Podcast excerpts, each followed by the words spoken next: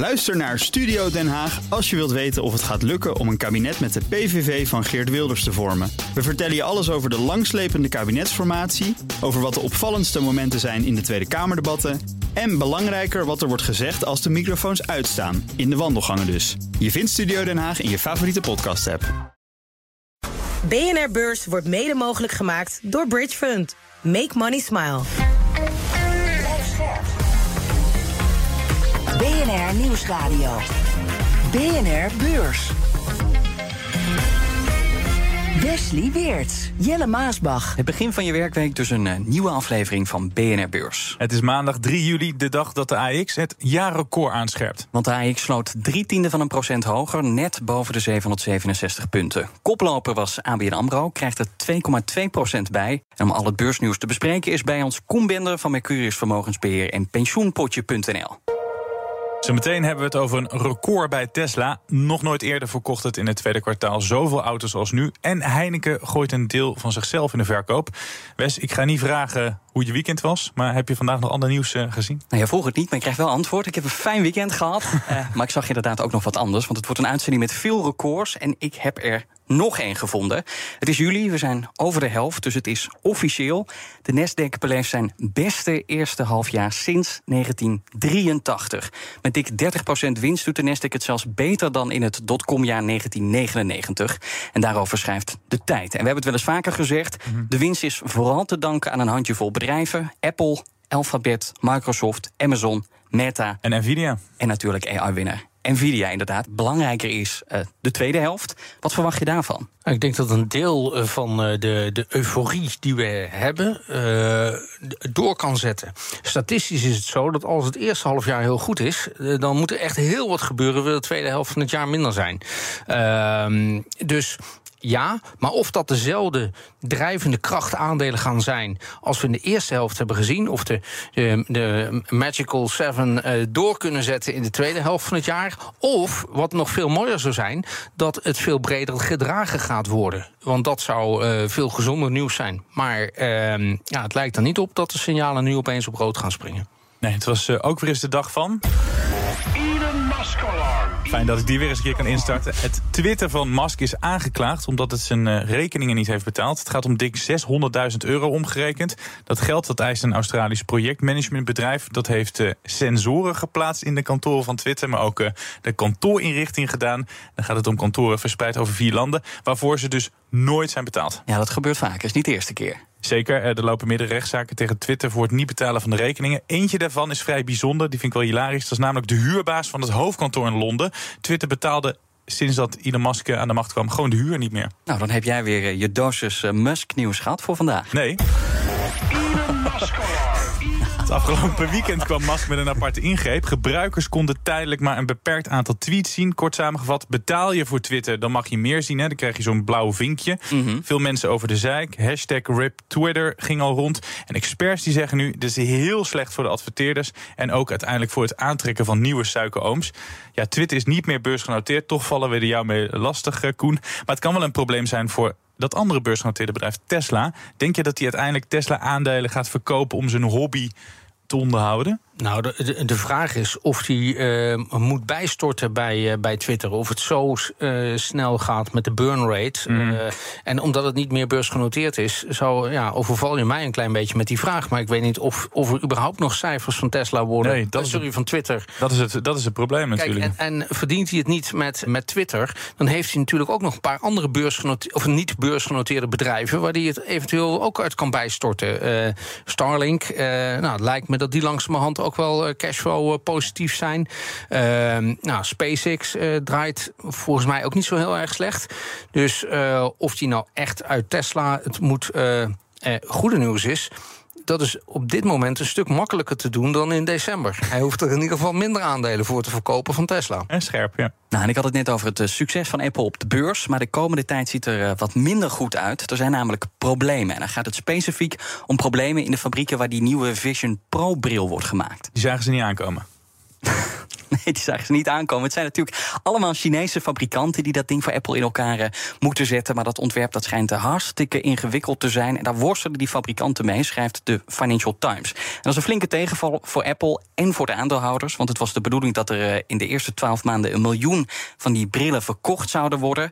Maar nu zou Apple er in 2024 minder dan 400.000 van willen maken. Een stuk minder dus. Zeker. Hij had het net over een record op de Amerikaanse beurs. Ik heb Ja. hier een rally op een andere buitenlandse beurs voor me... waarbij jouw record echt verbleekt, beetje lullig is.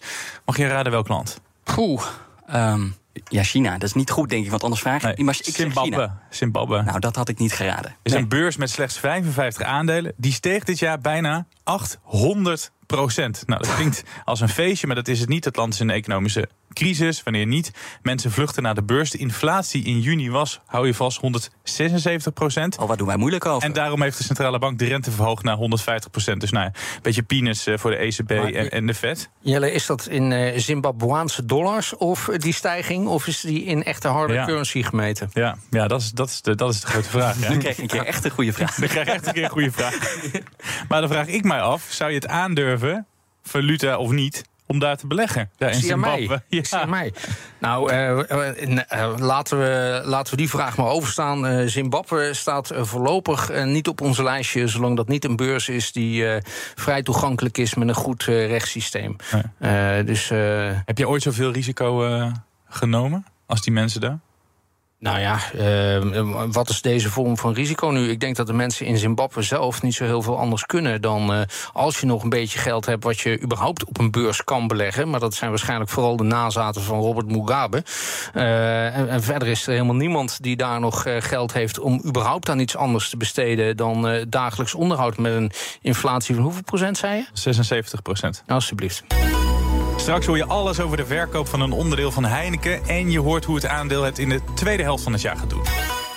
Tesla trakteerde autokopers de afgelopen maanden op de ene naar de andere prijsverlaging. Tesla verlaagt de prijzen in de VS. These are the fifth price cut since January. Tesla cut the prices last night. They changed the website, and the Model S is now roughly $5,000 cheaper across both models. Het nieuws van de ochtend. Tesla verlaagt de prijzen. The starting price for a locally built Model Y SUV has been slashed to $38,000. En met succes, want die auto's die vliegen de deur uit. Niet eerder leverde Tesla in het tweede kwartaal zoveel auto's als nu. Meer dan 466.000, ruim 80% meer dan vorig jaar. En dat is een record. Ja, Koen, die prijsverlaging die stuwen de verkopen... maar wat gaat dat met de winst doen? Nou ja, dat horen we de 19e juli. Want dan eh, eh, publiceren ze hun cijfers. Hou je hart En, alvast? eh, nou, ik, ik denk het niet. Ik denk dat eh, eh, de prijselasticiteit van de auto. eh, de vraag is: hebben ze overal de prijzen zoveel verlaagd? Of hebben ze dat alleen in een paar markten gedaan? De belangrijkste markt is natuurlijk toch eh, China, hoe hard ze daar eh, groeien. Maar kijk, we hebben het de hele tijd over Tesla in combinatie met de autoverkopen. Maar als je kijkt naar het nieuws van de afgelopen periode. hè, ehm, Tesla heeft deals gesloten met General Motors en volgens mij ook met Ford en, en allerlei andere autobouwers. om hun laadstations open te zetten voor eh, andere merken. Ja. Wat eh, die andere merken heel veel geld bespaart, maar Tesla ook heel veel geld oplevert. Dus eh, het is niet alleen de autoverkoop, het zijn ook zoveel andere dingen eromheen die veel belangrijker beginnen te worden. Als je, Maar ja, ik las ook analistenrapporten. Dat gaat, als je het afzet tegen de jaaromzet, is het echt een paar procent wat ze uit die laadpalen deal halen. Dus dat is nog ja, nu echt heel nog, klein. ja, nog, ja. De komende jaren. Ja, maar wa- waar spraken we vorig jaar over? Over autoverkopen. Er ging de vlag uit als, eh, als de totaal op jaarbasis door een miljoen ging. En eh, ehm, een paar jaar geleden, terwijl ik hier stond, hadden we het nog over: kunnen ze 100.000 auto's per jaar gaan verkopen? Dus ehm, Tesla heeft nog zoveel dingen in de pijplijn zitten. Er is nog geen enkele semi-truck. eh, van de band afgerold en wij zien ze nog niet rijden. Maar dat gaat natuurlijk op, nu wel op niet al te lange termijn eh, gebeuren. Hetzelfde als die pick-up truck. Ja. Dus er zitten nog zoveel dingen die eraan zitten te komen. Dan hebben we het nog niet gehad over eh, de elektrificatie van onze huizen. Tesla kan daarmee ook wel een huishoudmerk letterlijk worden voor mensen die helemaal geen auto hebben, maar die toch eh, zonnepanelen op het dak hebben en die energie willen opslaan. Ja. Eh, omdat ze daarna eenmaal ook een, eh, een heel sterk merk in zijn. Dus maar toch ligt de focus nu wel nog op die, op die auto's natuurlijk. Want de hogere volumes zijn even belangrijker dan die marges. Denk je ook dat Musk de komende tijd doorgaat met die tactiek? Of is het wel even klaar met die prijsverlagingen? Nou ja, als hij die prijzen niet verder eh, hoeft te verlagen, en niet heel erg, dan, dan, zal, dat, eh, dan zal hij daar ongetwijfeld de bal van afhalen. Hè, en niet meer verder gaan, doorgaan in die prijsverlaging. Maar het, het grote voordeel van. Maar stopt de groei dan ook niet meteen? Nou, dat weet ik niet. Uh, uh, over het algemeen, er zijn dus nog steeds heel erg veel mensen die een nieuwe Tesla kopen. Veel meer dan we gedacht hadden, terwijl de energieprijzen uh, inmiddels weer behoorlijk duurder beginnen te worden. In, in, in Nederland in ieder geval zijn alle subsidies zo langzamerhand er wel van af. je moet gewoon wegenbelasting gaan betalen. Dus het is niet alleen meer de so salonsocialist die, die in een Tesla Model S rijdt. Maar ehm, het, het, zijn nu mensen die gewoon ook zeggen: ja, we hebben toch eraan geproefd. Het rijdt uh, heel erg prettig, prijs-kwaliteit verhouding, bla bla bla. Ze hebben gewoon een goede reden om een, een Tesla te kopen en een nieuwe te kopen daarna. En niet alleen in Europa, ook in heel veel grote groeiende landen. Wat als India dadelijk uh, uh, ja, Tesla's gaat uitrollen. Mm -hmm. Of een ander land wat uh, zich probeert te ontwikkelen vanuit de middenklasse. En of die de prijs nu gaat verlagen of niet, wat betekent het voor de concurrentie, voor andere auto-aandelen?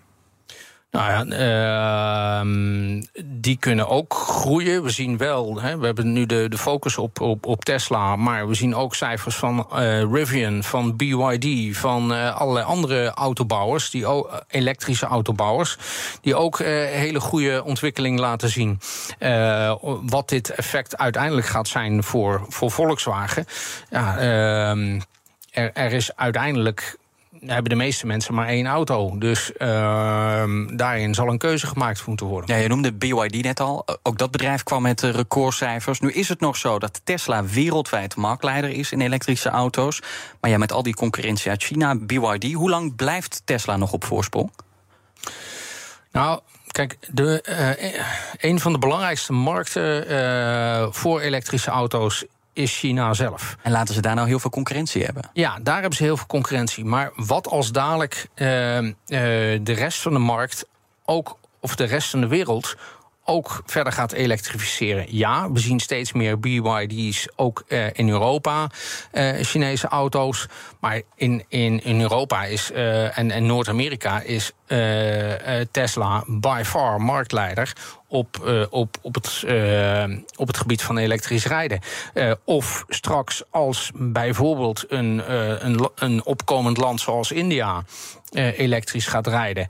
Ja, wie gaat dan de grote winnaar zijn? Gaat dat BYD zijn of gaat dat Tesla zijn? Dat durf ik nog niet te zeggen. En het is ook helemaal niet zo erg als ze als, een goede competitie met elkaar hebben. Um, het voordeel van een bijvoorbeeld BYD is dat ze ook uh, uh, zware commercial vehicles hebben. Bussen, vrachtauto's, daar is Tesla nog helemaal niet.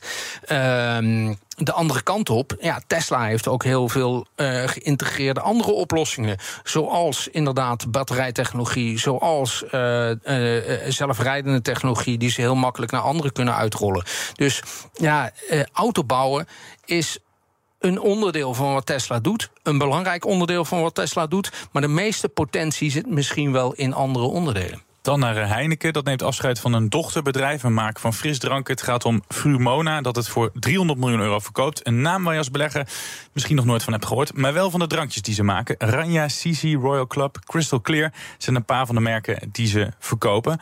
Maar goed, Heineken wil het niet meer. Snap je de verkoop, Koen? Ja, ik snap de, de, de, de, de verkoop wel. Het is. Uh, in de, ik moest even zoeken op de website van Heineken naar, naar het persbericht. Dat stond ook niet in de newsroom. Ik zag het wel bij fd.nl. Um, en ja, ze verkopen het.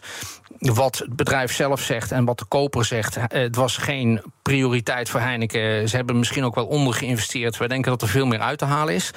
300 miljoen is de verkoopprijs. Uh, Jelle, Heineken maakt bijna 30 miljard omzet. dit is nog geen procent voor Misschien ze. dat ze daarom Dus- geen persberichtje eraan hebben gemaakt. ja, ik denk, dat, ik denk dat ze daarom gedacht hebben van ja, wat, wat eh, hartstikke leuk, die club uit Bunnik met eh, eh, non-alcoholisch. Maar wij hebben een ander non-alcoholisch drankje, dat heet 0.0. En daar, Daar gaan we. En daar zijn misschien ook betere marges dan mee te verdienen. Ja, natuurlijk. Eh, Ik denk het wel. Eh, hier zit je toch in de, in de bottelmarkt. Eh, Je hebt geen wereldwijd merk zoals Pepsi of zoals Coca-Cola. Ehm, en, en dus zul je moeten kiezen. Dit gaat nooit een wereldspeler worden. Althans niet in our lifetime onder de vlag van Heineken. Dus Heineken heeft gewoon gezegd... Wij, wij focussen in onze strategie. Dat is Heineken. Dat is 0.0. En dat zijn een aantal andere grote merken. En los daarvan hebben we wat speciaal biertjes waar we, waar we in doorgaan. Maar dat is markt en niet het bottelen van frisdranken. BNR Beurs.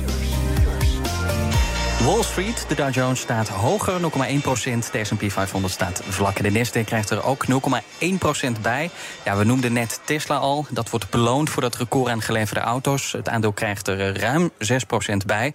Maar nog een andere autobouwer eh, trekt de aandacht. De Rivian, eh, dat aandeel dat staat maar liefst 15% hoger. Ruim 15% hoger. Het bedrijf meldt dat het meer auto's heeft geproduceerd dan verwacht. En dat wakkert ook de hoop aan dat de productieproblemen zijn opgelost. Over productieproblemen gesproken. Bij Apple steken die juist de kop op. Je had het er net eh, al over, hè? Het Ja. verlaagt zijn productiedoel van die nieuwe Vision Pro bril. Sommige mensen noemen het ook wel een duikbril. Dat zie je terug in de ja, skibril, ja. Dat zie je terug in de beurskoers. Eh, Apple staat 0,9% lager. BNR Beurs. Ja, je hoort het. Tijd voor de zomerserie. Deze week hebben we het over familiebedrijven op de beurs. Bedrijven waar de familie nog veel aandelen bezit, veel macht heeft... of nog steeds de scepter zwaait. Denk aan de familie Arnaud van LV Marsh... de Waltons bij supermarktreus Walmart... of de dochter van Freddy Heineken bij Heineken. We hadden het net al over de brouwer en daar trappen we deze week mee af. Koen, waar zie jij meer in? In het bier Heineken of het aandeel Heineken? Dat, het, ja, het is maandag, dus laten we dan het aandeel, aandeel maar, eh, maar kiezen. Ehm, ja. Het is een beetje flauw, want eh, het aandeel, daar willen we het natuurlijk over hebben. Dit jaar zo'n 9% gestegen, minder dan de AEX. Het blijft er wat bij achter. Toch vind ik zelf 9% niet heel treurig overkomen. Maar is het te verklaren dat ze iets achterblijven bij de AEX? Ja, nou ja, als ik over. Ik heb net even gekeken naar de, naar, naar de histo- historie van het aandeel Heineken. Ja. En eh, ja, dat, het be- beweegt eigenlijk de hele tijd zo'n beetje tussen de 80 en de 100. Dus wat dat betreft is het hartstikke stabiel. Het is niet echt een, een, een groeiaandeel. eh, dus ja, het, het, het, het, het bruist wel een beetje, maar eh, van tijd tot tijd. En daarna, ehm, eh, vorig jaar was het ook niet een van de zware dalers. Nee. Dus eh, ja, stabiel. Toch, defensief. Ja, normaal zou je zeggen, is er ook niet zoveel gedoe. Dit jaar wel, gedoe in Rusland, want hun onderdeel eh, is nog niet verkocht. Ze hebben een grote aandeelhouder die flink aandelen blijft verkopen. Komt niet echt over alsof het een rustig jaartje is. Nee, en, eh, welke wil je eerst? Die groot aandeelhouder of de Russen? Noem maar de Russen. Oké. Kijk, over Rusland heeft Heineken heel terecht gezegd. ehm, wij werden geconfronteerd met de situatie. Hebben in maart 2022 besloten te staken als eerste grote brouwer met eh, onze activiteiten in Rusland. We brouwen geen Heineken meer vanaf dat moment. Maar er zijn een aantal andere omstandigheden die ook meespelen. Helemaal stoppen met die activiteiten van het ene op het andere moment zou betekenen dat dat bedrijfsonderdeel failliet gaat. Dat is ook onder internationaal recht een misdaad. In, of in, in Rusland en misschien ook wel internationaal. Dus dat kan niet zomaar. Er is een going concern. Dan is er ook een mogelijkheid dat als je zo'n bedrijf laat gaan en ehm, die bedrijfsactiviteiten staakt, dan kan je genationaliseerd worden volgens het Russische recht. Nou, de vraag is of je dat wil. Want dan komen, dan komen al die assets in de handen van oligarchen. Ja, eh, en wat hebben die voor met het personeel van Heineken? Dat daar wel nog werkt. Dus ze stellen terecht op hun website: wij hebben een, eh, eh, een, een, een eh, verplichting als goed huisvader naar de Russen toe, die voor ons werken. Eh, we kunnen dat niet zomaar laten gaan. Nee, maar ze hadden iets van 60 nieuwe producten of zo toen eh, aangekondigd in Rusland. Dat is niet even gewoon doorgaan Ja, met wat je al deed. Nou ja, maar goed, eh, ze, ze rollen het merk niet meer uit. Ze pompen er geen geld meer in. Ze halen er ook geen geld meer uit. Het is eh, wat je noemt geringvenst. Ze hebben het helemaal apart gezet. Ze zijn op zoek naar een goede koper. En of ze die koper heel snel gaan vinden... ja, ik denk dat Carlsberg ook niet staat te springen... om die Russische activiteiten over te nemen. En ik wil je uitleggen over de grote aandeelhouders... toch even eh, overslaan, toch naar thema... dat beleggen in familiebedrijven. Mm. Die familiebedrijven die we er deze week eens uitpikken. Waarom willen die familiebedrijven toch zo graag de macht houden? Nou ja, eh, omdat ik. Nou, ik denk dat dat een, eh, eh, een, een punt is dat je de controle over dat bedrijf, als je dat niet hoeft te delen met eh, aandeelhouders die misschien hele andere belangen hebben dan jij zelf, Ja. en een kortere horizon hebben dan jij als je naar meerdere generaties kijkt. Legacy beschermen? Ja. Ja, ja, legacy, maar ook continuïteit naar de familie toe, de toekomst in. Ja, dan, ehm, dan wil je toch een bepaalde vorm van zeggenschap houden. En ehm, sterker nog, ik denk dat van de hele grote bedrijven die er nu zijn, beursgenoteerd, maar ook niet beursgenoteerd, zijn de meeste gewoon in familiehanden. En ehm, dat zijn vaak ook hele goede bedrijven om in te beleggen. We, hè, we hebben het net gehad over, over twee andere bedrijven. Dat ging over, eh, over eh, Tesla en we hebben het gehad over Apple. Beide bedrijven, ja, ook Apple, staan nog steeds onder hele belangrijke invloed van hun oprichters. Ja, die hebben eh, een visie om bepaalde dingen te doen. En die voeren dat ook uit. En de, het merendeel van de aandeelhouders ja, eh, gaat daarin mee. Ook omdat sommige van die bedrijven gezegd hebben... de rest heeft gewoon geen stemrecht. En daar heb je het maar mee te doen. Zoals eh, Zuckerberg tegen zijn aandeelhouders gezegd heeft. En dat heeft er wel toe geleid dat hij dingen kan doen zoals de metaverse of zoals allerlei andere dingen... die nooit door een aandeelhoudersvergadering in een stemronde gekomen waren... naar alle waarschijnlijkheid. Ehm, en dus kan dat ertoe leiden dat dat bedrijf zo groot wordt. De vraag was of een aandeelhoudersvergadering bij Heineken in had gestemd met een strategie waarin ze 0.0 gingen, gingen uitrollen. Maar de tijdgeest en de visie van de familie heeft ervoor gezorgd dat, dat, eh, dat ze dat doen. Het zorgt er ook voor dat je hele makkelijke andere dingen doet. Hè? Want dan komen we toch nog even terug in Mexico en het verkopen van, van dat grote aandeel. Ehm, ze hebben destijds een transactie gedaan en ehm, hebben dat betaald in aandelen Heineken aan FEMSA.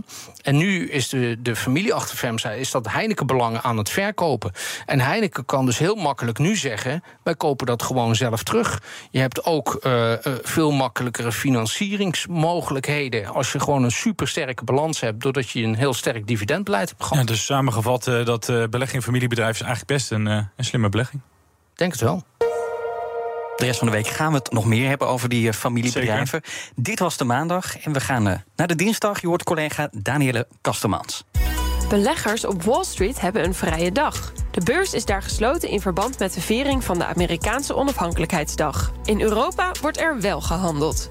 Hier kijken beleggers niet naar bedrijfscijfers, maar gaat de aandacht onder meer uit naar de inflatie en cijfers uit de industrie en dienstensector. Tot slot komt het Internationaal Energieagentschap met een gasrapport.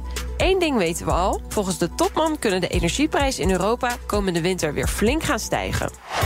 Nou, dit was een bijna, maar niet voordat we jou nog hebben gevraagd... Koen, waar ga je de komende eh, dagen op letten? Wat heeft jouw aandacht? Poeh, eh, nou ja, onze kwartaalrapportages natuurlijk. Maar eh, los daarvan, ja, we zitten net voor eh, dat seizoen waarin de, de cijfers gaan loskomen. En het lijkt er toch op dat we een redelijk goed eh, eh, tweede kwartaal ook in de economie achter de rug We kunnen weer de confetti van onze schouders vegen. Zou zomaar kunnen, Jelle. Lekker, dankjewel. Koen Bende van Mercurius Vermogensbeheer, pensioenpotje.nl. En Wes, dan mag je afsluiten. Ja, wij zijn er morgen weer. Ik hoop dat je morgen weer luistert en een hele fijne avond. Tot morgen. Tot morgen. BNR Beurs wordt mede mogelijk gemaakt door Bridge Fund. Make money smile. Ook Thomas van Zeil vind je in de BNR-app. Je kunt live naar mij luisteren in Zaken doen, de BNR-app met breaking news, het laatste zakelijke nieuws en je vindt er alle BNR-podcasts, bijvoorbeeld Het Nieuwe Geld. Download nu de gratis BNR-app en blijf scherp.